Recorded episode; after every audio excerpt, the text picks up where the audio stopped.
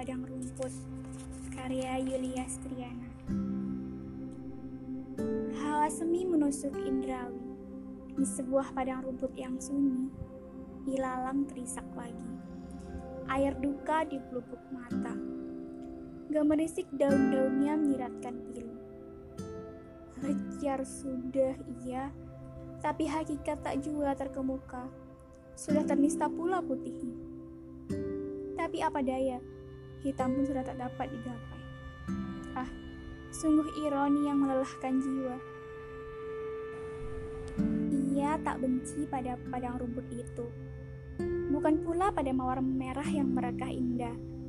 Tapi, pada yang datang ke sana, yang mencoba menjejakkan kaki, datang tanpa salam pertemuan, menjamah tanpa perkenan.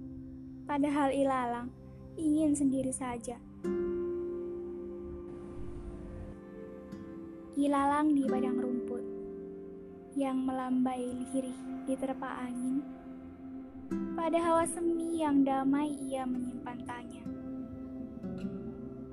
Mengapa batangku terpupus sebelum mati?